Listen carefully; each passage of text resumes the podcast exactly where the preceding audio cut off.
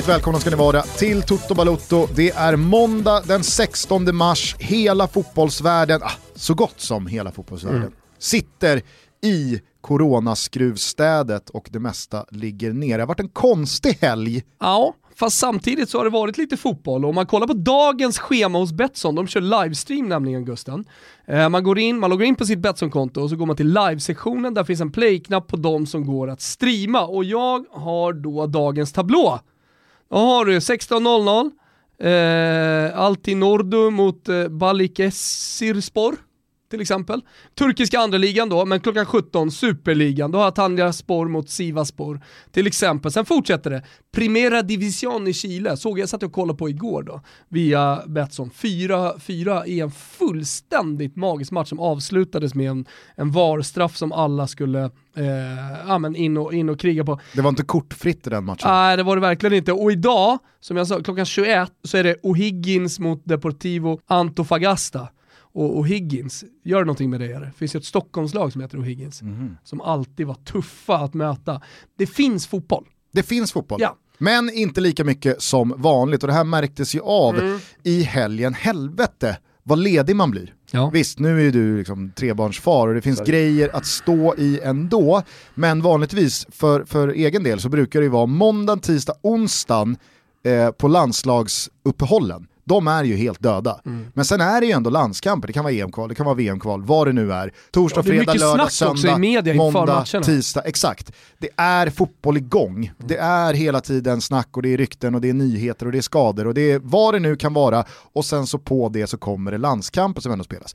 Nu är det helt dött. Mm. Alltså du vet, i, uh, igår, i söndags, vaknar, käkar frukost, städar lite, mm. slänger på en tvätt, mm. åker och spelar paddel, kommer hem, käkar lunch, Kolla klockan. Ja, men att vara 10 över 1. Att vara, att vara 30 bast, jobba med fotboll så som du gör, då, då blir det ganska dött.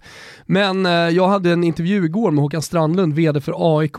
Jag gör ju Studio AIK där borta, Followers AIK. Och eh, det blir så spekulativt allting också, det blir så mycket hypoteser för att ingen vet egentligen vad som ska hända. Vilket blir svårt, jag trodde jag skulle sätta mig ner och han skulle komma med lite, ja men, så här, handfast information, lite konkret information, det är så här vi jobbar. Men ingen vet ju och det skapar ju också en så jävla lurigt läge. Mm. Det, det, det går liksom inte ens att spekulera. Vi vet inte vad det här viruset liksom kommer, kommer göra med oss den kommande tiden. Det enda vi vet är att imorgon tisdag så kommer eh, Uefa hålla något slags möte eh, där då... Det är också Ital- luddigt. Absolut, men Italien har väl gått ut med att de kommer föreslå en push av EM. Ja. Väldigt mycket talar ju för att det blir så, men återigen, vi ska inte spekulera. Det enda vi vet är att Uefa har någon slags sammankomst imorgon. Mm. Så får vi se vad det leder till. Jag såg idag, precis när vi gick in i studion här, att SEF kommunicerade via sina kanaler att eh, man eh, har ett möte idag men att inget beslut kommer fattas för en onsdag då man sammanträder igen Nej, tillsammans med vild, SVFF och så vidare. och det är väl ingen vild gissning att man väntar ut det här Uefa-mötet. Men som du säger, Gravina då eh, från det italienska fotbollsförbundet har gått ut och sagt att Ja, men ganska, där är det ganska tydligt att eh, plan A är att börja spela i maj, förutsatt att det funkar, att eh, läget i Italien är mer kontrollerat än vad det är nu. Eh, och sen eh, under en jävligt intensiv tvåmånadersperiod avsluta ligan. Mm. Eh, samtidigt som tyskarna då går ut med ett annat upplägg som de kommer att presentera med att köra höst, man kör, man kör klart ligorna i höst va, och så kör man EM på vintern i typ december nu. Mm. Sen kör man vår-höst, alltså som allsvenskan, europeiska säsongen. 21 ja, men i det och fall, 22. Ja, precis.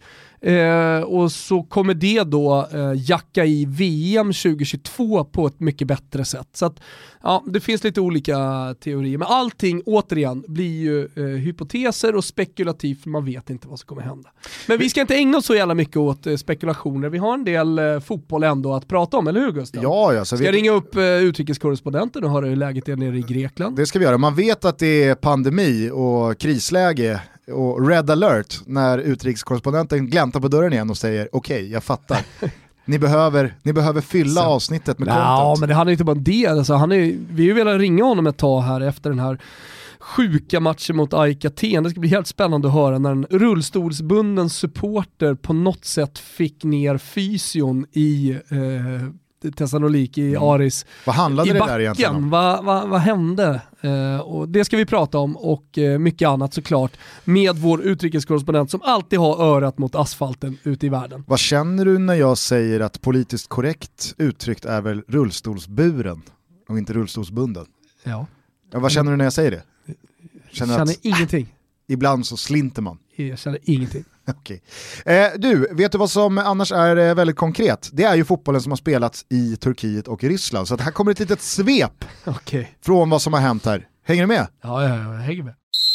Turkiska Super League rullar på som vanligt och i toppen är det målskillnadsjämnt mellan Trabzonspor och Erdogans Basakşehir. I ett annars ganska anonymt Trabzonspor återfinns John Obi Mikel, men också den i Crystal Palace helt oduglige norrbaggen Alexander Sörlott, som i Turkiet hittat nätet 19 gånger på 26 matcher.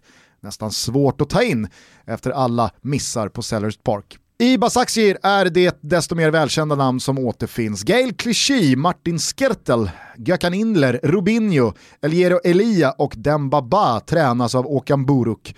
Och någonting säger mig att eh, Erdogan inte pumpat in överdrivet mycket deg i klubbens ungdomsled. Galatasaray närmast jagande medan Fenerbahce går tvärtungt och sjunker allt längre från Europaplatsstriden. I Ryssland sångar de också på. Jordan Larsson gjorde mål när han Spartak Moskva borta slog Orenburg. Zenit Sankt Petersburg pulveriserade Ural med 7-1 och iranske landslagsmannen Sardar Azmun mm. hade stor show tillsammans med Artem Djuba på topp. De vitljusblå toppar tabellen överlägset och stormar mot ännu en ligatitel. Svensklaget Krasnodar med Mackan och Koffe Olsson i startelvan förlorade borta mot Sochi och ligger nu trea. Men den stora rubriken hittar vi i bortalaget. Kommer ni ihåg Alexander Kokorin? Gugge spådde ett globalt genombrott för den ryska landslagsanfallaren inför VM 2014. Men istället för guldskor och bucklor har karriären kantats av pistoler på bröllop, skandaler och fängelsestraff. Han eh, muckade i höstas och eh, nu har eh, Kokorin joinat Sochi och spottat in fem mål på sina fem första fighter. Det är i fängelserna det händer! Eller hur Wilbur José? Visst har det flugit under radarn att Kokoren är tillbaka? Ja, det har det faktiskt gjort. Bra då att de andra ligorna ligger nere så vi får upp ögonen igen för eh, denna fantastiska fotbollsspelare, eller hur? Ja, nej, men det är just någonting, alltså, ja, det, är det nu man ska fördöma det Kokoren har gjort? Nej, det är det definitivt inte Nej. nu. Okej, okay. med det in mind så är det i alla fall så att jag, precis som många andra tror jag, fascineras över just målskyttar. Mm. Alltså man kan ta ett fängelsestraff på ett år, komma tillbaka och ändå fortsätta spotta in mål. Det är någonting häftigt med det. Mm. Det är så mycket svårare att se liksom, skandalomsusade högerbackar eller innermittfältare som går in och gör en bra match men det blir liksom inte lika det, det, blir inte samma edge, det blir inte samma liksom, eh, sprak kring det. Utan just när någon kommer tillbaka och sätter bollen i nät fortfarande, att man kan det, att man kan hålla i liv i det gör någonting. Tror du då att eh, Ronaldinho, efter att han har muckat från fängelset i Paraguay, kommer tillbaka till eh, den spelade fotbollen, den stora scenen och gör mål? Jag, ja, men jag tänker att han har mycket tid att fundera där inne i cellen. Här, nu är det nog säkert en del i alla fall. Det är väl många som har eh, snappat upp att eh, Ronaldinho är fängslad i Paraguay. Någon slags urkundsförfalskning, han har gått på falskt pass eller något. Det är därför han sitter vill du, vill du ha en liten eh, dokumentär light kring ja. Eh, Ronaldinhos eh, senaste bravader? Jag tänker att många nog vill det. Eh, och då hade man ju kunnat liksom berätta bara, men jag har faktiskt skrivit en liten, eh, liten docu här. Oh, alltså, en When We Were Kings eh, uppläst i väldigt light version kanske, men trevlig. Är det kanske läge för moodslinga? Kan vara, det får Kim bestämma. Ja. Är du med eller? El Quadrilatero de Asunción är inte Camp Nou. Det är sannoliken inte det gröna gräset under San Siros strålkastare. Supportrar som sjunger och miljoner och åter miljoner runt om i världen som förväntar sig ett stycke fotbollsmagi. Däremot finns passion till fotbollen i kvadrat. Det finns en vilja att överleva och kraft att ta sig igenom svåra tider. El Quadrilatero de Asunción i Paraguay är inte ett vanligt fängelse. Här har man placerat knarklangare och korrupta poliser och politiker. Och Ronaldo de Assis Moreira, mer känd som Ronaldinho. Han hamnade här med sin bror efter att ha åkt dit med förfalskade pass som de hade skapat för att fly undan skatt i Brasilien. Det såg ut som att han skulle klara sig undan fängelse, men när domen väl kom så accepterade Ronaldinho utan några större protester. Nu sitter han inspärrad i en cell, så långt från Olympen där han tidigare var en av de stora fotbollsgudarna. Om törst uppstår i den karga, kalla cellen efter att dagsransonen av vatten tagit slut måste han fråga pliten om en specialtjänst för att fukta strupen. Ingen öl, inget vin, inga drinkar. Fängelseliv utan undantagsregler. Precis som för de korrupta poliserna och knarklangarna till cellgrannar. Lite ljus i mörkret kom dock för några dagar sedan då en fotbollsturnering gick av stapeln inne på El Quadrilatero de Asunción. Ett mindre bråk utbröt när lagen skulle väljas och alla såklart ville ha Ronaldinho i truppen. Att det låg en 16 kilo spädgris i potten för vinnarlaget gjorde inte stämningen mindre spänd när lagen till slut valdes. Det rapporterades om att Ronaldinho skulle få målförbud, men i finalen gjorde han 6 ass och 5 mål när hans lag vann med 11-2. 2005, ganska exakt 15 år sedan, var Ronaldinho världens bästa fotbollsspelare. Ballon d'Or-brassen, trollband-publiken och året efter förde han sitt Barcelona till CL-titeln. Toda joya y toda belleza. Elastico här, sombrero där. Fotbollspubliken satt med öppna munnar. Samma år, 2005, den 19 november, slaktade han på egen hand det Real Madrid som kanske var det mest galaktiska någonsin. Beckham, Zidane, Raúl, Ronaldo. Ja, Los Blancos på läktarna reste sig och gav Barcelonas superbrasse en stående ovation. Han är fortfarande den enda spelaren i världen som vunnit VM, Copa America, Champions, Ballon d'Or och Libertadores. Men häromdagen var det alltså inte Sergio Ramos som markerade honom inne på den där paraguayanska anstalten, utan en fängslad politiker, först anklagad, sedan dömd till 20 års fängelse för korruption. Det här kanske låter som ett mörkt kapitel i Ronaldinhos liv, men något säger mig att det där leendet som trollbundit världen nu gör samma sak med internerna på El Quadralitero de Asunción. Man undrar ju hur eh, grisen grillades. Jag tror att de fick den grillad. Det, det, det skrevs så i alla fall i, eh, i, i eh, Abola, heter den så, den portugisiska tidningen, som ja. jag har fått information kring liksom, var han befinner sig och så. Ja. ja. jag såg bara den där grisen eh, när den leddes in ja. i fängelset. Ja. Det är alltså alltid när det kommer till liksom, sydamerikanska filmer eller på något sätt liksom miljöer som påminner om det här, fängelse inte minst. Det, det, det är inget koppel utan det är bara ett snöre. Mm. Det var ett brunt snöre. Men det var många som hade reagerat på att det såg nice ut och sådär. Men alla uppgifter som jag liksom har fått när jag, när jag läst in mig på det här, att det är ett riktigt fängelse, det är cell för Ronaldinho och hans brorsa och det är vattenransoner varje dag. Och så får man gå ut på innergården. Men just då här ville man göra någonting för internerna och så skapa den här fotbollsturneringen. Men det är inte så att det är fotbollsturnering varje dag utan det, det är fängelseliv liksom som gäller för det, det framgick inte i din lilla minidocka här hur långt straffet är. Nej, eh, det återstår att se lite grann. Han får ju, han får ju först och främst eh, sköta sig va? Ja. och inte hålla på och jiddra. Men det tror jag att han kommer klara ganska bra, men då är det någon månad som jag har förstått det. Okay. Ja. ja. men eh, han, han gör väl nya vänner där. Det lär han nog Vad göra. Vad tyckte du om anstalten annars? Eh, att eh, det är korrupta poliser och politiker och knarklangare som befinner sig där. Ska man, ska man placera dem på samma ställe? Är det verkligen bra tänkte jag? Det, det låter väl Eller ändå... är det samma skrot och korn kanske? Nej, alltså lägst eh, stående är väl, det är väl alltid pedofiler. Ja. Alltså, de kanske inte ska Nej. De dör med, fort. Ja, men alltså, så här, korrupta politiker, det är ju lite som, alltså, ekobrottslingarna, de, de är mm. väl alltid högst upp mm. i hierarkin. Mm. Eh, rånare, mm. bankrånarna. Mm. Men eh, hustrumisshandlare och eh, de som har utnyttjat barn. Mm. Nej. Vi då, följer i alla fall Ronaldinho. Hade, kanske hade kunnat bilda ett eget litet lag. De hade fått det jobbigt. De hade fått det jävligt jobbigt. Uh, vi följer Ronaldinhos uh, tid i fängelset i Paraguay och ser om det kommer några uppdateringar. Ja, och så följer vi Kokorins vår här då, i Sochi. Verkligen. Han kanske kan bråka sig hela vägen in i en uh, EM-trupp. Mm. Va? Det vore väl något? Ja det hade varit något, när nu EM ska spelas. Exakt.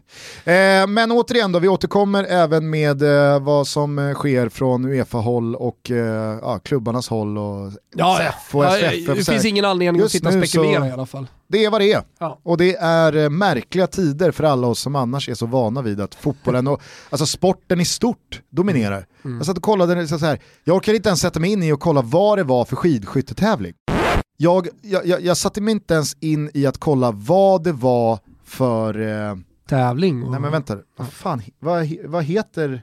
Det heter eh, längdskytte? Nej? Längd? Skidskytte? Skidskytte heter det. Det var ju säsongsavslutning, det var ju Dorotea Vi eh, Wierer, min liksom, eh, skidskytt. Min gumma ah, okay. i ah. skidskytte. Ah, nej, alltså... Duktig, bra på alla sätt och eh, ett utseende från Olympen. Jag kom bara på mig själv i alla fall att mitt på dagen i lördags så satt jag i soffan med min eh, flickväns brorsa och så satt vi och kollade på skidskytte. Och vi hade ingen aning om liksom, vad det var för tävling, men det var bara så här. Uh, jag trollbinds mer av se. Dorothea Wirers ögon än uh, Ronaldinhos uh, leende på fotbollsplanen. Visst. Så, så är det. Visst, det gör du säkert. Vi är denna vecka sponsrade av StayHard.se och alla ni som har varit med oss förut vet att vi älskar StayHard. Det är nämligen så fruktansvärt enkelt och smidigt och behagligt mm, och att beställa för, kläder från Stihag. Ja men du undrar, vadå enkelt och smidigt? Ja för det första så slipper du gå ut och i sådana här tider så är väl det ganska bra då att göra nätshopping tänker jag. Eh, men allting finns, över 250 varumärken och stora, det finns lite mindre varumärken som andra inte känner till. Alltså det är en totalshop då för eh, herrmode. Och sen då ytterligare smidigt, jo det tar ett par dagar så har man kläderna hemma. Det är inte så att man ska sitta och vänta länge utan eh, leveranserna, ja de kommer fort. Så att eh, det, det, det, är en jävligt bra sida. Alltså och... klickar du i din order innan 13.00 så skickas grejerna samma dag. Ja, ja men du ser. Du hör ju själv. Ja, nej, det är dunderbra. Och idag så skulle vi dessutom vilja puffa för Stay Hards egna märke Studio Total det är alltså ett full range-koncept som levererar en designsäker och kontemporär bas och kvalitetsgarderob i alla varuklasser. Fokus ligger på att erbjuda ett så relevant här och nu-mode som möjligt i bästa prisläge och Stay Hard rekommenderar att ni kollar in vårens sneakers och extremt mjuka chinos lite extra. Ja men du, vadå Stay Hard rekommenderar jag? Say hello to a new era of mental health care. Cerebral is here to help you achieve your mental wellness goals with professional therapy and medication management support. 100% online.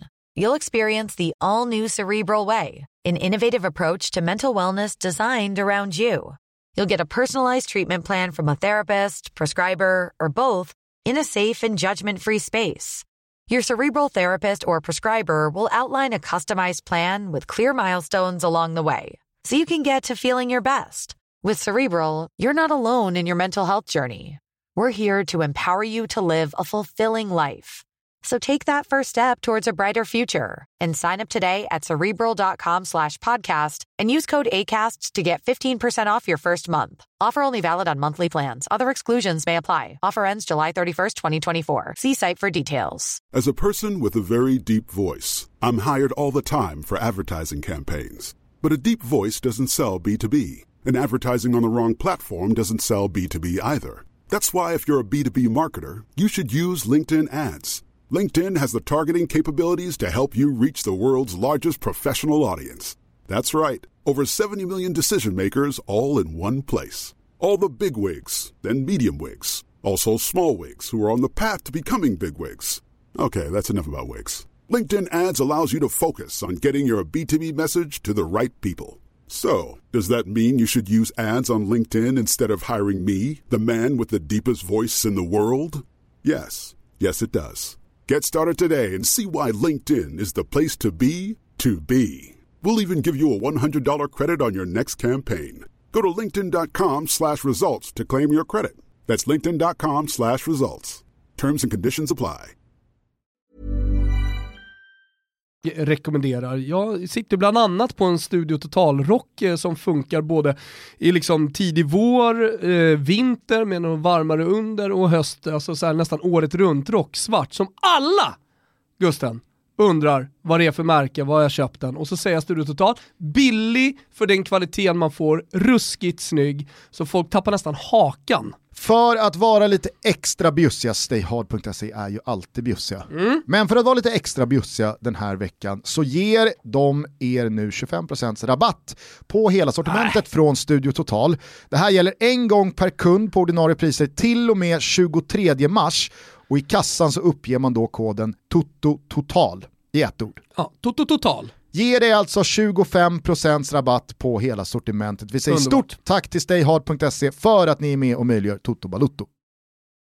Nu har vi väl börjat lära oss att när någon säger Randstad så tänker man Jobb! Precis. Arbete! arbete.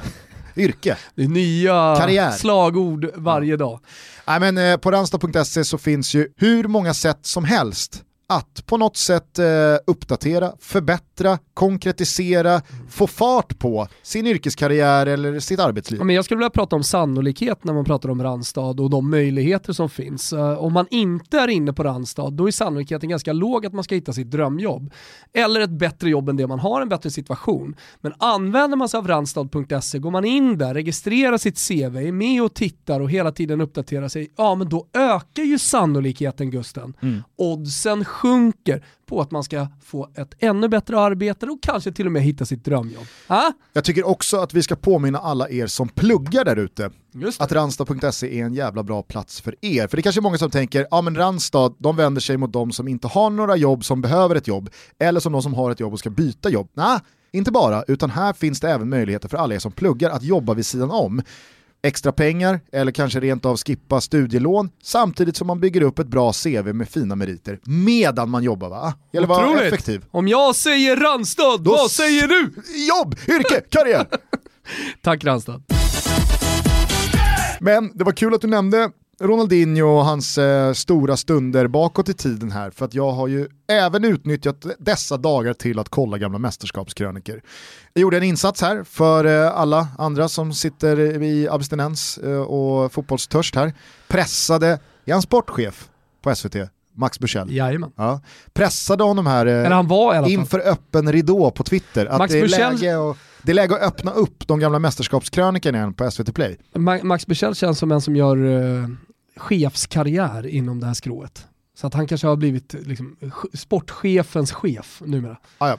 Kan man öppna upp mästerskapskröniker, då har man någon tung position i alla fall. Så, sagt och gjort, nu finns alla VM-kröniker hela vägen tillbaka till eh, VM 78 uppöppnade på SVT för alla som vill se. Jag tittade på både VM och EM-kröniker här under helgen, bland annat då 98, men även EM 96. Mm.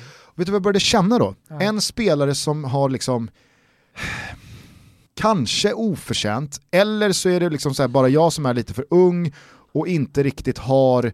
Eh, EM 96 är ju dassigt mästerskap för övrigt. Kanske, absolut. Det var ju väldigt få mål som så gjordes. VM 98 i Frankrike. Väldigt det, destruktiv fotboll och så vidare. Men hur som helst, han excellerade ju ännu mer i VM 98 eh, än i EM 96, där Kroatien också gick starkt. Men Davor Šuker, mm. alltså vilken otrolig anfallare. Och vilken, alltså så här, vilken, har han en bortglömd plats i den yppersta världseliten? Olympen igen eller? Ja. Jag vet inte. Alltså, jag är ju uppvuxen med Davos Schuker som en otrolig fotbollsspelare. Men eh, man ja, kanske jag... inte pratar om honom så jättemycket nu. Det är som Poborski. Ja, men jag, tror att, jag tror att liksom många i min generation och kanske framförallt mm. 90-talister har kanske ganska dålig koll på att Kroatien hushöll en anfallare som spelade i Real Madrid, som kom tvåa i Ballon d'Or, som vann skytteligan i eh, VM 98 när han förde sitt lilla Kroatien, som precis, alltså det var ett väldigt ungt land, jag tror att Kroatien blev Kroatien 93.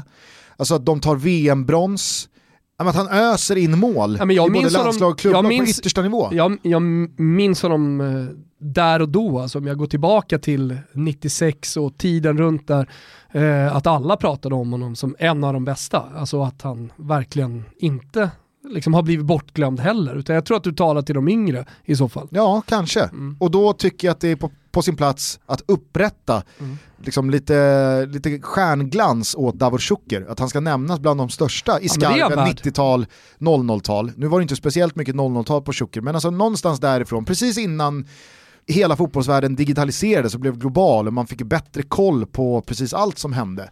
Annars är man ju väldigt generationsbunden, att det som hände pre ens egen generation, det når ju inte, det nådde ju aldrig en på samma alltså, sätt som det man själv upplevde. Speciellt när du, när du har upplevt det live. Otrolig avslutare, otroligt lekfull fotbollsspelare. Sulfinter och chippar och lobbar och klackar ja, ja. och lirade alltid liksom med ett leende. Och... Jävla fin han var Davurshoki. Mm, och sen så kollar jag ju då eh, EM 2004-krönikan. Det är ditt EM va Gusten? Då hade, då hade Gugge Dahlin blivit 15 bärs och tagit sin första öl, kanske smaka på en liten siggeluring. Var ju på plats. Och du var på plats också, men Såg du drack inte öl på plats va? Jo, jo, herregud. Ja, det gjorde du, som 15-åring. Ja, ja, visst. Ja, och, eh... Som 15-årig var inte du pojklandslagsspelare på den tiden? Ju, eh, du söp ju för fan bort din karriär och skyllde på någon jävla ryggskada. Alltså, man, du skulle ju tagit det seriöst. Man tar väl en, tar väl en bira när man är i rehaben, när man är i karantän. Ändå, alltså. Nej, jag söp med Fredrik Ljungbergs lillebrorsa Filip under det här mästerskapet. Ja. Hur som. Eh, var ju på plats då när Zlatan klackar in mot Italien. Vilket mål. Mm. Vilket mål. Jävla lag Sverige hade. Är det dit du ville komma? Nej, det jag skulle komma till var i alla fall att det här var ju... Det här är ju så jävla nutid känner jag. Liksom. Vilket här... lag Sverige hade jag? Nej, Vi snackade med Albeck om det. Det jag skulle komma till var stunden när Figo liksom abdikerar och släpper över tronen till Cristiano Ronaldo. Alltså att de fick det där mästerskapet ihop Figo med sjuan på ryggen, nationalikon, som spelaren som, ja men Jo men han bar ju Portugal. Ja fast han öste ju inte in mål, han blev ju utbytt väldigt uppmärksammat av Scolari ett par matcher när det stod och vägde. Så det var ju liksom, alltså, det var ju inte, det var inte Zidane 98 eh, som bar laget fram till finalen och som gjorde skillnaden i varje match. är det vidare. nu vi minns eh, Luis Figos eh, djupa dalar i karriären? Nej. Men... under säsongen, att han, att han, att han eh, hade inte den högsta lägsta nivån. Är det dit du vill komma? Figos lägsta nivå? Nej, det jag vill komma till är hur oerhört få sådana här tronföljder man får vara med om. Mm. Alltså när det finns ett lags, Sverige hade ju aldrig en sån med Zlatan. Man försökte bygga Guidetti som någon slags tro, eh, kronprins och någon tronföljare. Men, men vi hade väl lite med Henke Zlatan va? Inte så nej, stark kanske, men det ändå, var, det fanns... Samtidigt som det var väldigt många år med både Henke mm. och Zlatan och det var ändå liksom så här, VM 2002, visst då var inte Zlatan Zlatan, men 2004, 2006, EM 2008, alltså så här, ah, fan, det, det blev inte, det, det, det, var aldrig den där, du, du fattar vad jag menar, ja, Lejonkungen, eh, dramaturgin Nej. med Mufasa och Simba, att här är liksom det, är du, det här är ditt, du ska ta över. Och det är viktigt Titta att, ut över ditt rike. Exakt, och det får heller inte vara i en nation som har 5, 6, 10, 15 spelare på den yttersta nivån, utan Portugal hade ju visst, okej, okay, Rui Costa och en del andra, men det fanns ju ingen riktigt sån här Figo och så Cristiano Ronaldo som på uppgång liksom kom där med sin tandställning. Och liksom. Roligt att du nämner Lejonkungen, för jag tror jag har sett det sju gånger. Florens har fullständigt snöat in på den och nu när det inte är någon fotboll på tv så då låter jag henne den välja. Versionen? Den nya. Ja. Den är också tecknad. Jo men... Data-animerad. Ja, det, ja, exakt. Men vi satt och kollade på uh, Finns någon dokument... när de knölar in Beyoncés liksom, egna låt. Ja. Mitt bland alla fantastiska Lejonkungen-låtar. Ja, det är möjligt. Det har Kunde inte hon bara mycket. Jo. Kunde inte hon bara varit stor i stunden och liksom så här, ja, alltså jag sjunger Lejonkung-låtarna, jag är Nala är hon väl. Jag, jag kollar på den svenska versionen. Eh, men eh, det ska, så satt vi och kollade på någon, eller jag kollade på någon lejondokumentär då emellan, så försökte jag få henne att kika på det och liksom, det är så här det går till. Så hoppar det där lejonet och, och plockar någon gnu och bara käkar upp den och river den i stycken med hon gråta. Mm. Får jag sätta på vanliga Lejonkungen igen då. Okay. Eh, lustigt bara att du nämnde det. Mm. Ja, men håller du med mig om att det finns någonting i det där tronskiftet när kungen byts av och prinsen kliver in. Ja, men jag, jag, sitter, jag sitter och försöker tänka tillbaka på andra tronskiften. Ja, men, och det här är ju snart 16 år sedan, det var ju väldigt svårt att då, sommaren 2004, på något sätt försöka greppa att Cristiano Ronaldo skulle bli den spelare han blev och ha den karriären han fick. Ja, Men så här i efterhand, när man har facit, så är det ju häftigt att se de stunderna, de matcherna.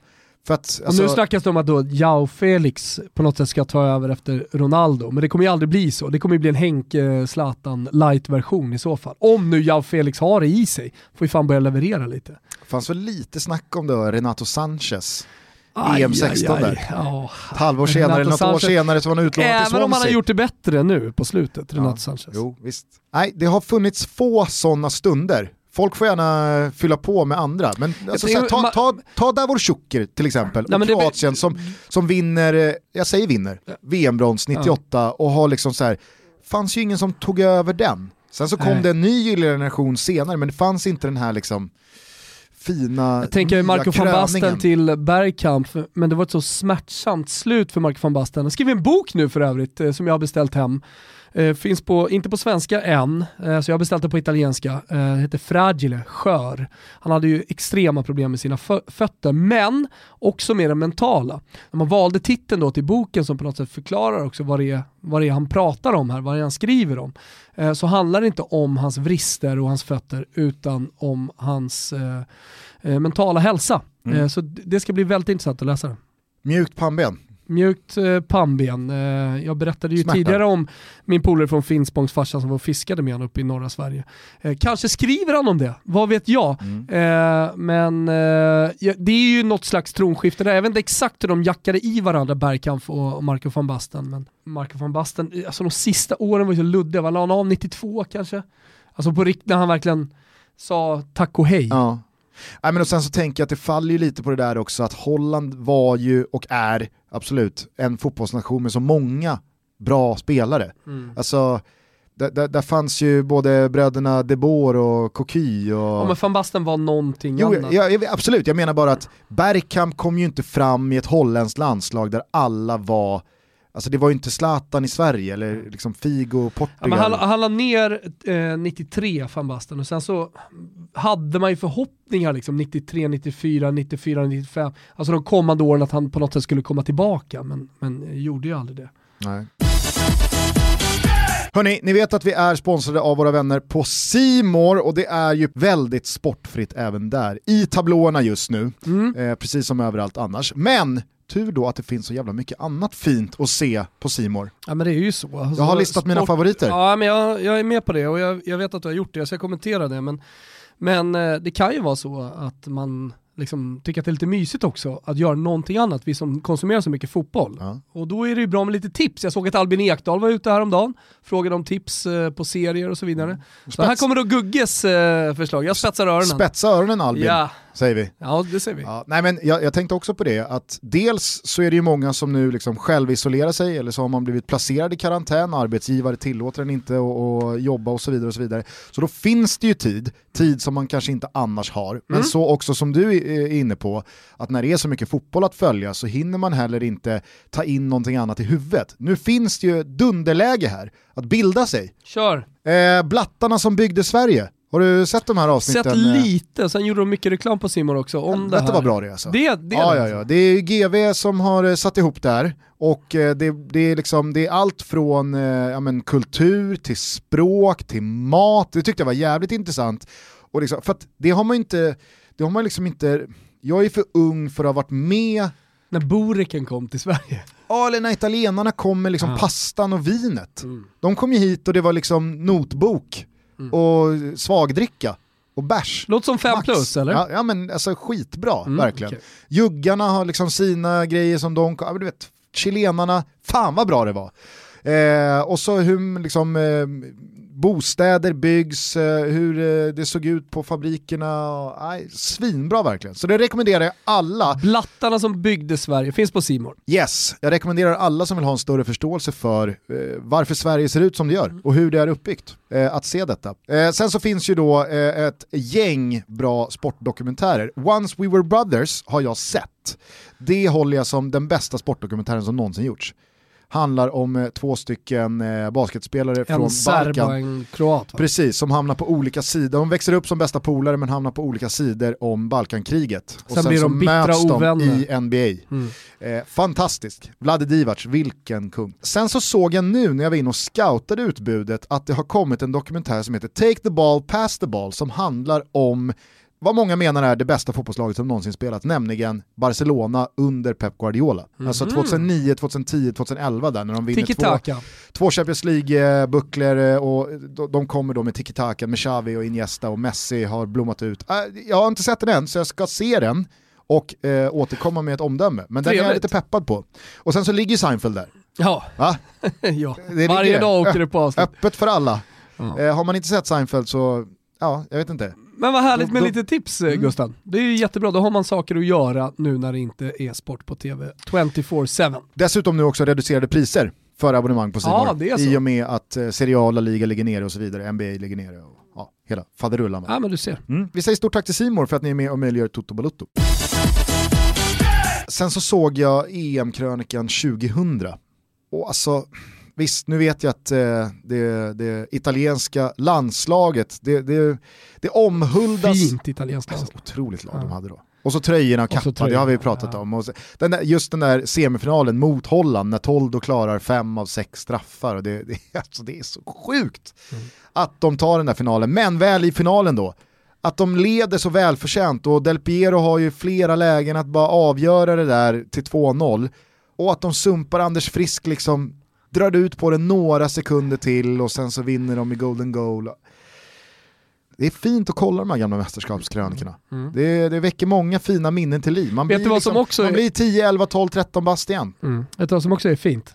Nej, Det är att ringa till vår utrikeskorrespondent. så är det. Vi gör det. Ja. Tjena Danne, Janne här. Har du Sams nummer?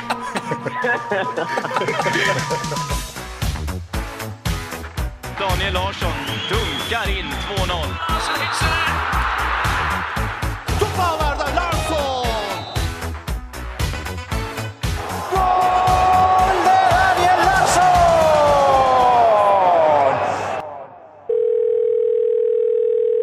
Är ni med eller? Jajamän. Ja. Det är Toto, det är inte, det är inte gott snack som ringer. Skötte jag mig eller? Mm. Med den äran tycker jag. Ja. Det kändes som att det var ett oerhört gott snack. Ja men det var ett gott snack. Ni trivdes Ja. i varandras sällskap. Ja, vi trivdes. Jag tror de, de, var, de var lite på tå liksom. När jag kom. Alltså såhär, oj vad hände här? De trodde jag skulle vara mycket mer... De, tro, de trodde jag skulle vara mycket mer eh, Mycket mer tutto. bulsig liksom och komma in som Ja. en ångvält och såga De trodde ju att, ja, och att du skulle vara en idiot. Ja, Eh, här, kommer, här kommer en riktigt dum jävel. ja. En, en gapig jävla idiot kommer nu. Precis. Så kommer man in där varm och snäll och god. Nedtonad som vara den. Mm. Eh, rullar vi eller? Eh, det är rull på grejerna va? Fan vad fint. Vad vad- vad gör du? Jag har precis stekt pannkakor till ungarna. Jag tänker mig att pannkakorna blir godare. Jag upplevde det i Italien för att äggen är godare. Liksom utomlands och nere på Ja, De är det gulare beror- typ. Fast det, ja, jag har lite problem med den tvärgula färgen. Alltså. Det, det beror lite på vad vi köper dem men Mhm. Kan du säga, de här hade en fin konsistens tycker jag. kan du säga pannkaka som Claes Månsson i Yrrol? Jag äter pannkakor! Jag äter pannkaka! Man undrar hur mycket droger det var kring Yrrol kontra liksom Jag tror inte det var, det var inte en enda drog involverad i den Nej, jag tror filmen. inte heller det. Det var max en lättöl som delades på. Ska verkligen, det är Ja. ändå 2,1 2,1% i lättölen. Dalle känns ändå som att han har använt Ja okej, han har externa något har substanser knarkat. för att öppna upp, Förtal. för att öppna upp liksom. Däremot Idé. knullades det nog friskt i Yrrol-gänget. Det tror jag. Jag tror att Månsson Ja, är en, en underskattad kåtbock. Ja, Varför då? Eh, Bara Han har, han har något snuskigt över sig. Reuter däremot. Jo, ja, men hallå. Hon har inga problem med att liksom trycka upp röven mot en ruta och sådana här grejer. jag såg ju Johan Ulveson sist jag var i Stockholm. Ja. Jävlar vad starstruck jag blev. Otroligt. Typiskt dig att bli starstruck av Ja. Ulveson. Utlandsproffs, Följde efter honom i säkert 25 minuter. utlandsproffs Tänkte, åtta år. Träffat varenda jävla fotbollsspelare. Ja. Vem är den Kommer, kommer från Sveriges näst största stad, sen, springer man på, sen ser han Johan Ulveson på med andra, sidan- darra och andra sidan gatan. Nej, jag, var, jag var skakig i flera timmar. Men, men va, va, vi brukar ställa den frågan i faktarutan, vem är den bästa fotbollsspelaren du har spelat med och mot? Vilka är de, bara i förhållande till att du blir starstruck när du träffar Ulveson, eller ser Ulveson på andra sidan gatan? Vilka, är de, vilka är de bästa spelare du har haft på planen? Med och mot? Ja, du, du frågar allvarligt nu eller? Ja, ja, ja, ja jag, vill, jag vill veta så att vi Alltså mot, kan se hur sjuk i huvudet du är. mot får jag ändå säga Neymar tror jag. Det är svårt att komma undan. Spelade du mot honom? Alltså mötte du honom i Ja, närkamp? vi var ju på samma kant liksom. Okej. Så det var ju hemskt. Det var vad, vad var det värsta som hände? upplevelse. Nej, alltså jag, det var, jag sprang ju mest runt och försökte undvika tunnlar liksom. Och det gjorde jag. Vi hade en, en bra högerback bakom mig så vi, eh, vi spelade oerhört tätt ihop. Eh, och han sökte sig mest i andra ytor faktiskt. Så jag tror vi kom, vi kom undan med heden i behåll. Blev det, blev det någon närkontakt? Så fick du hans svett på dig? Råkade du liksom så här komma åt med handen på hans snopp? eh, Liksom sådana saker? Alltså hade Alltså, så han här, haft så har du några corona detaljer matchen och, har du några så detaljer hade att jag ju berätta här? fått det. Så tror jag. Okej. Men om jag då förstår det här rätt så hade du alltså högre puls när du delade trottoar med Johan Ulveson än när du delade kant med Neymar. Delad ni ens trottoar? Ja, ja, jo men det gjorde vi. Det gjorde vi. Vem, vem, är, Eh, vem, är, eh, vem är Ulveson för dig? För mig är han ju Berts pappa. Och även väldigt mycket Care of Segemyhr. Nej men för mig så är han alltså Yrrol för mig. Det är, hela det gänget är bara Yrrol för mig. Berts, I Bert första har man hand. inte kollat på. Det är det jag ser liksom. Också legendarisk scen med Yrrol-gänget i Drömkåken. När, när Peter Dalle ser, jag tyckte jag såg en kopparsnok. Och Claes Månsson kör, men skit i det nu! Hur hamnar vi på drömkåken? Det är det där med Björn Skifs. Jävla då. Ja, det- Han håller på med massa ljud, gör han inte det i Men filmen? kom nu då! Jag har inte den på näthinnan just nu. Jo men de står men låter utanför och så, så börjar det- de ska liksom ner och reka för de ska, ju- de ska ju liksom länsa stället. Eller det- det är någonting i typ pannrummet eller någon, alltså det finns någonting under huset som de vet om och som de ska liksom komma åt. Och Björn Skifs har ingen aning. Och sen ska de ner liksom och reka i pannrummet eller källaren eller gillestugan. eller fan. Och Claes Månsson liksom, kom nu då! Och, och Dalle står och liksom fördröjer allting. Jag tyckte jag såg en kopparsnok. Men skit i det nu för fan! Men, men jag, det slår mig nu, jag sa så här, är inte den filmen Björn Skifs håller på med massa ljud, då kom jag på att det är ju den här otroligt, eh, kanske ännu uslare filmen än Drömkåken, Strul. Så kom. Och där, där han håller på att springa, då håller han på med något ljud. Någonting sånt där är det i alla fall. Det är så Jag tror jag jävla tänker märkligt. att de två är i samma film faktiskt också. Men alltså, i det här ljuset så är det fan i mig otroligt att Björn Skifs har toppat Billboard-listan i USA. Har han det? Whatever happened to Björn Skifs? Med, vadå, Hooked on a feeling eller? Jajamän. Du fan Ah, avsluta med went Hooked on a he, went on, feeling. he went on to act in a couple of Swedish classic movies. Strul. Men du, ge mig någon till då. Mot, eh, vad är Neymar? Ge, ge mig någon till fotbollsspelare.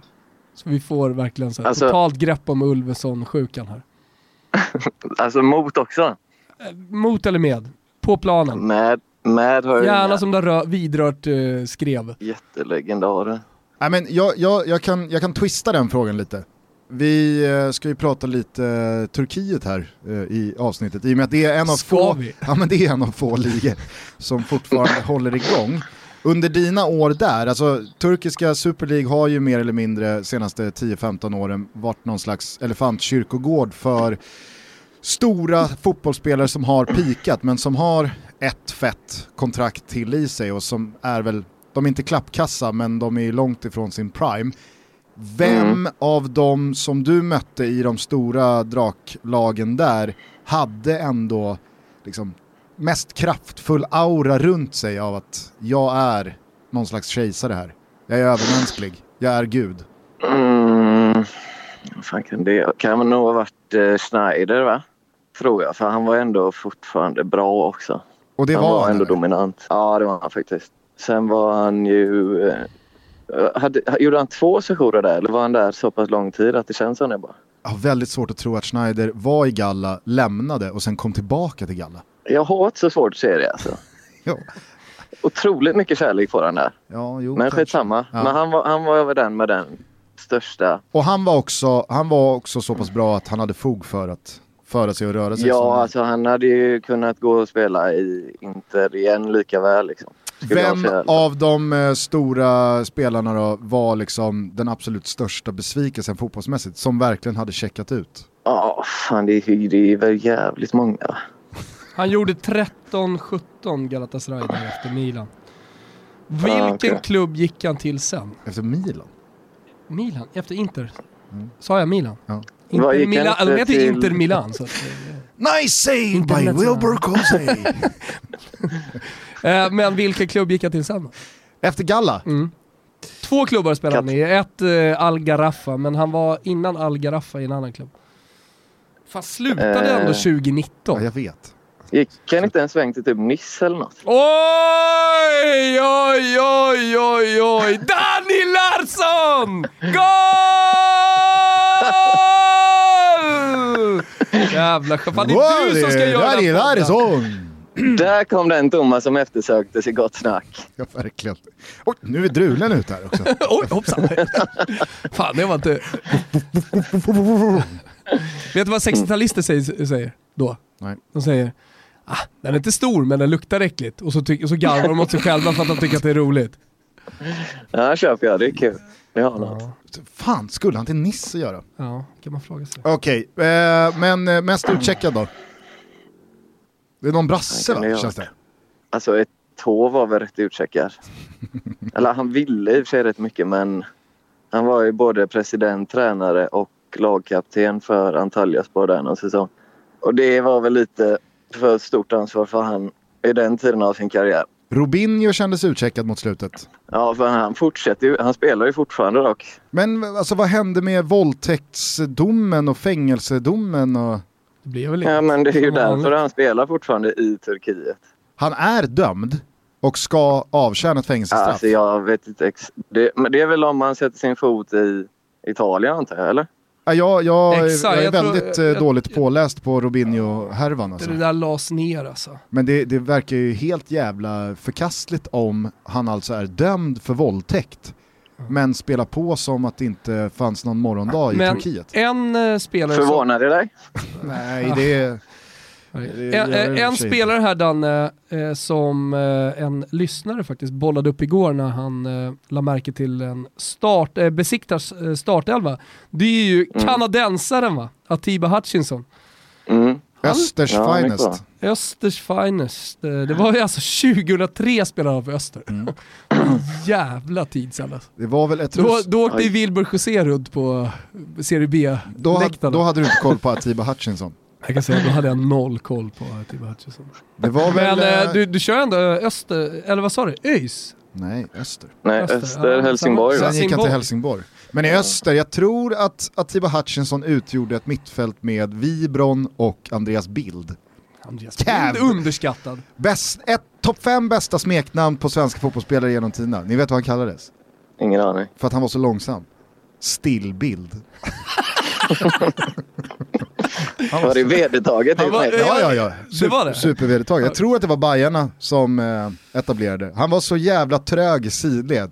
Så att det, det, var liksom så här, det gick alltid få, det såg alltid ut som att alla andra rörde sig. Men Andreas Bild, han var i stillbild. Kommer du ihåg det vi snackade om tysken, eh, som jag hade så jävla svårt för?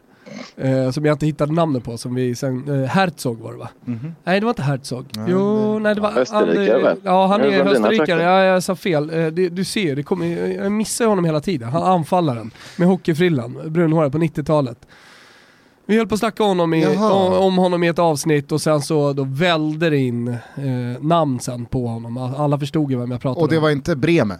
Nej, nej, det var ju inte, hej, det var ju tid, Bremen var ju tidigare. Han, han, han, liksom, han var i den här tyska generationen som inte var bra. Eh, I slutet på 90-talet och i mitten på Du, men, 90-talet. du menar när de vann EM-guld? 96? Ja, men, alltså, vad heter han nu då? Han skulle vara liksom såhär the next big thing, men blev ju aldrig det. Vad fan! Skitsamma, Andreas Bild, jag tänker på honom när jag tänker på den här tysken. Såg, det, liksom så här. det är den svagaste sekunden hittills. Nej, det är, alltså, det är inte, det är inte svagt. Det här är din en bra... Jag sa du inte att han hade en stor brun hockeyfrilla? Jo men alltså, så här, de, de, de var lika könlösa båda två. koppling till Andreas Bild, Bild va? och den här. Och det roliga är att liksom, punchlinen är här i Thomas liksom, Jo. mycket, mycket hackiga Jag- segment. jag här. tänker han på- tänker på den här spelaren Ja. när han tänker Jo, men, på Andreas Bild. det är en bra spaning Ja. Folk som lyssnar på det här förstår vad jag menar. Jag lovar. Så Det är så här fruktansvärt, som att Andreas Bild fruktansvärt skulle... usel kicker. om Vad fick vi ut av det här? Jo, Thomas tänker Andreas på den här Bild spelaren. liksom skulle vara framtiden i svensk fotboll, så, så kände man. Det är så jävla sjukt, för när jag tänker på Andreas Bild, då tänker jag på den här killen, då tänker jag på den här spelaren som jag inte får fram namnet Han på. vet. That's it. Alla vet exakt vem jag menar. Ja. Hörru du, kan vi få någon slags eh, coronarapport från eh, Grekland och Thessaloniki? Vad, vad händer? Ja, det är lockdown. Det På, på obestämd tid eller är det he- helgen tredje, fjärde där som för alla? Alltså du tänker fotbollsmässigt först så var det ju ja, fram till landslagsuppehållet. Ja. Slut liksom. Det är väl det som eh, gäller fortfarande. Jag har inte fått någon ny information men eh, vem fan vill säga om det? Jag tänka mig att grekerna nojade mycket när coronaviruset eh, skulle komma, så här, lagkamrater och sånt. Mm, Tidiga på att inte hälsa. och så. Ja, nej det vet jag fan alltså. Det Det, var tog, det, var, det var först egentligen i typ onsdag som, som folk började prata om det här. När skolorna stängdes. Eh, Det får man ändå säga, sen- det får man ändå säga det, är, det, är bra, det är bra tryck i handlingskraften när man, Ja, verkligen. man börjar prata om det och alltså. i slutet på samma dag stängs skolorna. Nej, alltså de onsdagen... Ja, jo, just det. Så var det. Onsdagen beslutades att skolorna stängdes. Ingen hade hört Fre- ordet corona var ju- på morgonen. Torsdagen var ju i princip ledig då, och så var det 22 grader också. Så då var ju hela stråket här nedanför smockfullt. Du vet hur det ser ut, Gustav. Eh, alltså smockfullt med folk. Inte en jävel som jobbade. Och det kanske inte var jättebra för smittospridningen skull sett. Men sen i fredags eftermiddag så kom beslutet att allt stängs fram till onsdag nästa vecka. Förutom matbutikerna och apotek och sånt där. Ehm, men, och nu sägs det att det ska hålla stängt i två veckor. Men hur har Grekland annars eh, drabbats? Thessaloniki där du är? Är det, är det kaos liksom? Många som är sjuka? Nej, det, det, jag vet inte om de mörka siffrorna eller inte men de, i onsdag så var det 119 fall i hela Grekland. Alltså, Kanske är som i Sverige att man inte testar alla heller. nej, testar alla gör vi definitivt inte. Vi skulle ju testa ett hela laget men det fanns varken tid eller plats för det så vi fick skita i det. Finns det en eh, känsla av eh, panik eller är det, Nej, det skulle jag nog inte säga. är det Kalmar? Det är, folk väljer eh, att se det som semester, är min känsla. Det låter grekiskt. Ja, det låter grekiskt. Mm. Ta sig ut till öarna. Åk ut till Jag har öarna anammat det. och visa. Eh, Jaha, så du, då är det lite hemkarantän. Jag, jag hör när vi pratar med varandra, noterar en förkylning på Danne. Nej, det är nog det, bara... Det är Dannes tics, att alltid Är det så? dra in näsan. Ja. Så låter Danne. Ja. Ja, nej, det, här, det här är någon sorts eh, följdsjukdom i så fall på vad vi gör på kvällarna. Nu när det är ledigt. Ja, jag, jag vet fan, annars kan jag informera även dig om att det är ditt tics som du, du, har, du har kört på Jag har inga tics. många, många år. Jo, du, du drar in din näsa sådär par gånger i minuten. Så låter det. Det gör jag absolut inte. Jo. Jag tror att lyssnare nu nickar med och tänker, ja, ja fan, jag, har tänkt, jag har tänkt på det under samtalet här med Ja, utrikeskorren. men innan när vi har pratat har jag varit förkyld, men nu är jag inte det. Nej, nej. Du, eh, med tanke på att du är med oss här för första gången på bra jävla länge så vore det väl kul också att prata lite om det fotbollsmässiga. Eh, Aris har ju gått eh, ganska så fint, ligger bra med där, strax eh, bakom den absoluta toppen. Du har ju börjat göra mål igen och Mm. man kunde följa en dramatisk cupsemifinal via vår Instagram här för en vecka sedan. Kan du ta oss tillbaka till eh, vad fan det var som hände i semin mot eh, AIK Aten? Ja, har, har vi ens pratat om, eh, om eh, uppgifterna som läckte dagen efter om den här rullstolsbundne mannen? Nej, det har vi inte. Så att, Men vi vill nu, veta allt. Nu är jag all ears. Nej, men jag måste gå på det direkt. För det... Ska vi bara eh, Anledningen- kort recappa vad det var som hände? Ja, men gör ni det då. Det Ja, ja men okej, jag, jag sammanfattar snabbt med att det var cupsemifinal mot eh, AIK Aten i Aten. Mm. Och för att upprätthålla någon slags objektivitet och nu skulle det inte bli något skit med eh, domartjafs så flög man in ett portugisiskt domarteam. Riktigt. I halvtid så åker det här portugisiska domarteamet på spö av AIK Atens president för att han är så miss... Spö och spö, men det är... Ja, han, ska, han ska ha greppat tag i bollarna på linje, eller den assisterande som vinkade för straff för oss. Okej. Och sagt jag kommer hitta hela din familj om ni inte fixar det. Om ni inte fixar det här också. Sanslöst. Eh, ni går ut till andra halvlek och det tar väl inte speciellt många minuter innan det dyker upp ett rött alltså kort. för det första står vi och väntar i 25 minuter på att domarna ska komma ut igen. Okej, De vägrar ju först. ja, de vägrar först men sen så inser de att det är nog klokt i att gå ut och lösa det här Ja, åt AIK Aten. precis. Och sen så tar det inte många minuter av den andra halvleken innan eh, ni reduceras till 10 man. Nej, precis. Och sen, eh, är det då kaoset utbryter eller är det vid AIKs Nej, de gör, ledningsmål? de gör mål Ja. två, tre minuter bara efter det. Ja. Och Och springer då, ut och firar. Och, och då är det liksom, är det, är det era supportrar ditrest eller är det ni som lag eller vad, vad är det som liksom... Nej, nej, alltså vi supportrar är ju förbjudna på de stora bortamatcherna. Det är bara hemmasupportrar. Ja, ja men då, då måste det Men- ju varit liksom ert lag eller er ledning som då markerar att nu, nu nej, får alltså vi ta de det här springer ut och firar upplopp. på löparsidorna bakom, bakom målet. Ja. Där deras fans är. Och där någonstans är också våra avbytare och värmer upp med fystränaren då. Ja, okej. Och så är det en eh, spelare som får en flaska kastad på sig av den här mytomspunna mannen i rullstol. Och sen så, alltså jag vet inte exakt vad som händer för han filmar ju våran fysgubbe men han ligger ju bara ner helt plötsligt. Jaha. Ja men det är eran fystränare som typ- lite senare dyker upp med stödkrage på vår Instagram. Ja, Ja. exakt, exakt. Han Eh. får också någon kyss av den här mannen i rullstol. Ja, Jag tror han blir typ pååkt av honom. Och ramlar illa. Ja, jo det kan vi väl säga då. Han ramlar illa. Ja. Och Han kanske, han kanske överdriver lite när han ligger där. Men det är, tumult, Ja, det- det... Det, är tumult vid hörnflaggan, eh, ett gäng minuter, du står med händerna i sidan på plan och bara skakar eh, på huvudet. Ni Mm, kan ja, fullfölja ungefär. matchen. AIK Mm. avancerar till final, domarteamet löste det så att säga. Och efter matchen så, eh, Nej, nej, det är inte slut alltså. Det är dubbelmöte. ja det är, det är retur hemma för Ja. er när, Mm. när väl det nu blir. Ja, om det nu blir. Ja, exakt. Ska det vara det. Mm. Eh, och, Men i alla fall, Ja. den här mannen i rullstol då, anledningen till att han är rullstolsbunden sägs vara att han var i Thessaloniki och tittade på en match mellan Aris och AEK men fick ju självklart inte gå in på arenan då. nej. Så han klättrade upp i någon sorts eh, strålkastare för att titta på matchen. och det här är Och- alltså en AIK-supporter liksom? Ja, Ja. Och då får Aris fans då antar jag, eller säger i alla fall historien, syn på honom där uppe Ja. och börjar skaka på den. Så han ramlar ner och ja, förlorar i princip då båda benen. Och sen så har han bidat sin tid och väntat på För liksom... hämnd. hitta en, ett hämnd mot... Men hur Ja, tar, han sig, hur inte. han sig ner till löparbanorna i rullstol? Eller men har han han på har- något sätt liksom tagit sig, specialplats. har han tagit sig in Ja, i. AIKs liksom, sportsliga... Nej, nej. Alltså, han har ju någon sorts, eh, någon sorts vippplats där då. Han har suttit på någon Eh, ramp nära... Ja, En stor Precis. supporter, legendarisk supporter förmodligen, eh, som råkar ut för det här och då får han eh, av klubben som någon slags fin gest att du, du sitter var du vill, du har free access till Ja. arenan och då väljer han löparbanan liksom för att vara nära. det är min tolkning i alla fall. Och i din tolkning ingår det då ett motiv att han har suttit där och väntat på rätt läge att få liksom ta ut... Vendetta. ut exakt, vendetta, utkräva sin hämnd. Vad är det du brukar säga? Den ska serveras kyld.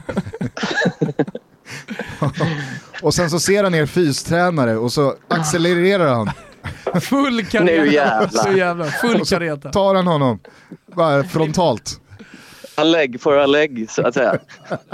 Det är härligt. det är så jävla... Lägg för en lägg. Oh. Jag skäms lite över att jag skrattar så mycket. Men ja, okej. Okay. Men, och, och, och, Gör inte det. Och eh, har han fått något slags utrymme efter det här? Nej, alltså jag följer inte media så jättenoga här nere så jag vet faktiskt inte. Men det Fystränaren mår bra? Ja, han satt ju och gjorde en polisanmälan efter matchen. Mm. Så något form av skadestånd vill han väl ha. Ja, ja det förstår man ju. Ja. Men, mm. och returen skulle spelats i typ övermorgon eller? Nej, nej, alltså den är i slutet av april. Är den på schemat.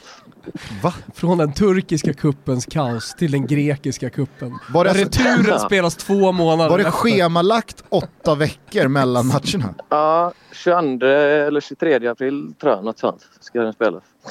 Herregud. Ja, den är märklig. Det låter ju helt otroligt alltså.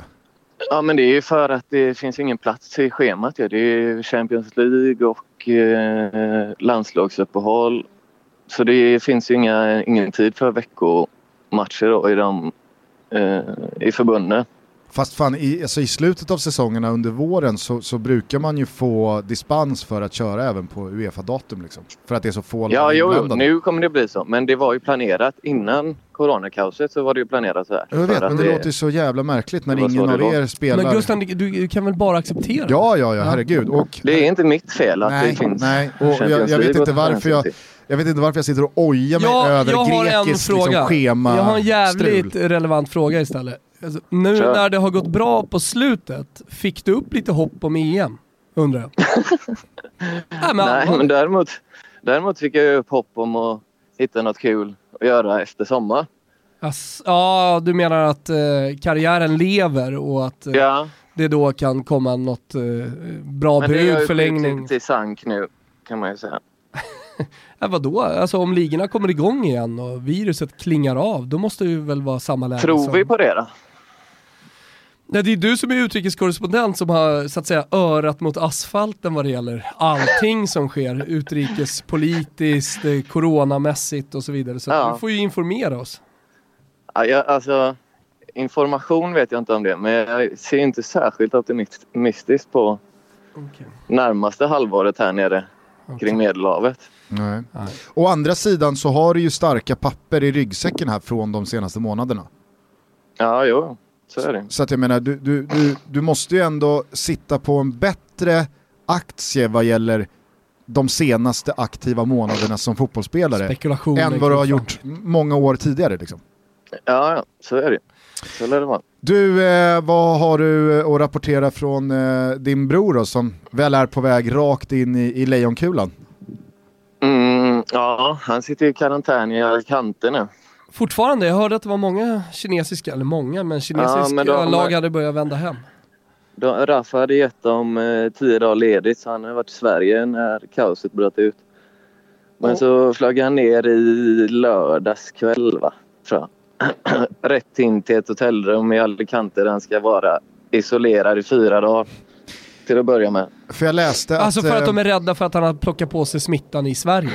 För att Sverige ja. är ett, eh, en ja. smittohärd enligt världen. Ja, alltså det, Spanien är väl exakt likadant i och för sig. Men det är ja. väl någon, någon sorts eh, regelverk som de måste följa bara tror jag. Okay. Nej men för att det var väl Fotbollskanalen som i förra veckan kom med uppgifter om att eh, Sampa och Danielsson och, och, gänget skulle, de, nu ska de packa väskorna och åka hem till Kina för att ge för att liksom, de, de ska, vad heter det när man ska rycka in ja. i militären. Nu blir, ja, det, vet nu blir det armén. Det, det, det, är ingenting som Sam har fått någon information om i alla fall. Nej, jag, jag, jag, skrev det till Sam på WhatsApp. Det är läge att rycka in nu alltså. Private Larsson. Och så skickade, jag, så skickade jag bilden och så sa jag vet jag ingenting om, men jag klär bra i, i camo. Jag klär bra i militärt. Ja, jo det, ja, det går väl inte att säga emot. Ja, ja okej, okay, men Absolut. så är han på väg dit. Men eh, bara kort då. Det blev vad jag förstod så blev det bra. Alltså familjen Larsson är nöjda, Sam är nöjd till slut, även om han tvekade på att åka till Kina. Alltså som situationen blev nu dessutom så, ja. Eh, så är han nog eh, så nöjd han bara kan bli med att han valde att ta det beslutet. Mm. Och det backar jag upp såklart. Ja, du var väl pro hela tiden vad, vad jag och Gusten har förstått? Jag var inte negativt inställd. Nej, okay. Du kommer ihåg tumregeln Thomas? Så mycket pengar som möjligt för så lite fotboll som möjligt. Så är det Det är, det är så vi jobbar. Ja, det är så vi jobbar. Det är helt rätt. Helt rätt. Och det är, det är liksom så här, kan man ju titta på Daniel Sundgren till exempel, i andra änden av det spektrat.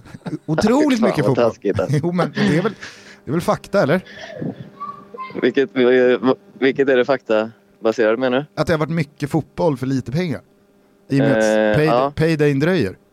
Så, så kan man Det säga är det. grekisk fotboll, de har svårt med att betala ut ibland. Så är det ju. Exakt. Men du Danne, det. så här i coronatider, det är oerhört trevligt att, att pratas vid och eh, vi, vi tar Ja, gärna lite mer frekventa samtal nu eh, och, och lyssnar av då mot dig som har örat mot asfalten Ja, ute, ute i världen och är berest. Jag är alltid tillgänglig. Jag kan, eh, jag kan avslöja här att eh, i slutet på förra veckan så började utrikeskorrespondenten lyfta lite på möjligheterna till att eh, om det här nu sätter stopp för, ja, för fotbollen och, och kanske hans fotbollskarriär i synnerhet så undrade han hur, hur landet ligger till för att kliva in i någon slags eh, fast producentroll. Jaså? Ja. Ja, nej, men alla Ja, möjligheter får finns. ta, ni får ta något sorts beslut på det här kanske snarare än vad ni tror. Du kanske får börja också fila på vem som blir din efterträdare. Vem du passar facklan vidare till där ute i fotbollsvärlden. Har vi ens någon? Fundera på den så ringer vi upp om någon vecka igen och så Ja. kollar vi om du Ja, kommer på jag ska, jag ska, ska ner väldigt, väldigt hårt på den. Och i nästa avsnitt så blir det inrikeskorrespondenten. Han var inte tillgänglig idag för han skulle till tandläkaren. Såklart den skulle Så mysig, Friberg. utnyttja systemet. Alla går till sjukhuset och går jag till tandläkaren. Ah, man är orolig, man vill inte ha corona i visdomständerna. Va? Det är bäst att vara på Han den är så säkra jävla sidan. street smart. Ja. Eh, hör du, flippa en pannkaka till, hälsa familjen och eh, kämpa på nere i eh, Tessa. Ja, amen. Ha det bra Danne. Puss puss. snart. Hej. Ciao. Ciao. Hej, hej, hej. Ah, fint att höra hans röst igen. Ja, tror jag många lyssnare känner också. Det var Ja, länge sedan. Det var, det var lite för länge sedan, men nu, nu är han tillbaka. Och eh, det är väl i sådana här tider när man får kämpa lite extra, eller hur? Mm. Som eh, man, man eh, hittar tillbaka till kanske gamla rutiner, vad vet jag? Så är det.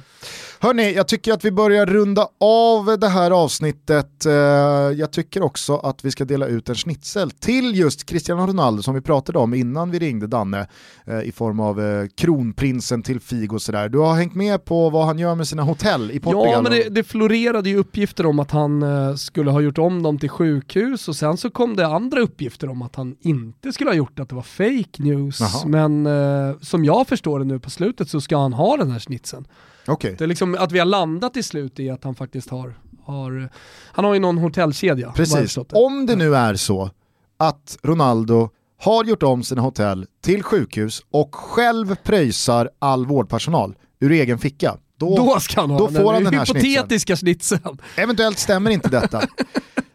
Alltså cyniken, cyniken i mig, cyniken i dig, Ja. håller alltid dörren öppen för att det här är fake news. Vad tycker du om eh, Zlatans take på liksom, situationen kring corona och eh, hans eh, Vad är hans generositet? take? Ja men han dunkade ut att för varje liksom, tuggummi ni köper, Tuggummi.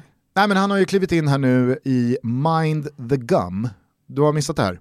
Ja, jag missat det. Det är alltså ett tuggummi som eh, ska hålla koncentrationen uppe hos folk bättre.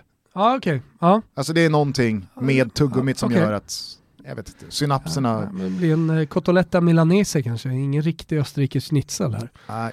Hur som helst då, i helgen så skrev Zlatan på Twitter Given the current emergency situation here in Italy, Mind the Gum would like to aid this story's true heroes, doctors, nurses, health professionals, by donating to Humanitas and FFP2 mask, ja det var en sån här skyddsmasker, for each pack sold online. Så att det blir lite så Man här, käkar tuggummi online.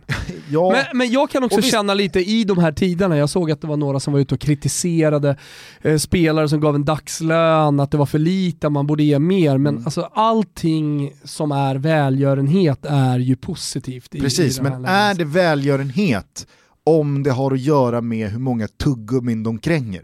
Alltså det, det, Men om pengarna går till väl... Jag, jag, jag väljer kärleken. Jag väljer att hylla all form av välgörenhet i det här läget. Ja, okej, ja, jag vet, du kan, Den du, är ju lite... Det, det, du kan den, inte den tycka, är på gränsen, du kan inte tycka är det är lite skillnad då att om det nu är så att det är som vi precis sa, om, också, det, det kanske han gör, jag, jag menar bara så här, i en sån här situation, behö, behöver man kränga några extra tuggummin? Jag tycker det. jo, om pengarna går till bra saker ja. så är det bra. Ja. Det är en liten cotoletta milanese på eh, en, en, panino. De äter den ju så i Italien, vet du. en kall schnitzel på bröd. Det är gott alltså. Jag kan tycka att här hade ju Zlatan chansen att bara så här, här har ni masker och eh, andra eh, vårdartiklar som behövs. Rätt ur fickan. No strings attached. Ja, jag känner inte att han Istället har det ansvaret. för att liksom mind the gun. Inte, jag, jag, jag, kan tycka att det, generellt sett så kanske fotbollen borde göra mer och skänka mer. Ja, det kan jag väl tycka. Men i slutändan så, så känner jag att allt är bra. Jag mm. väljer kärlekens väg, Gustav. Jag tycker alla ska göra. Ja. Okej då, på kärlekens väg så tycker jag att vi avslutar detta tutto med att ta av oss hattarna och ställa oss upp och sätta händerna i någon slags honör. Ja. Och sen så skjuter Kimpa salut för Sebbe Karlsson.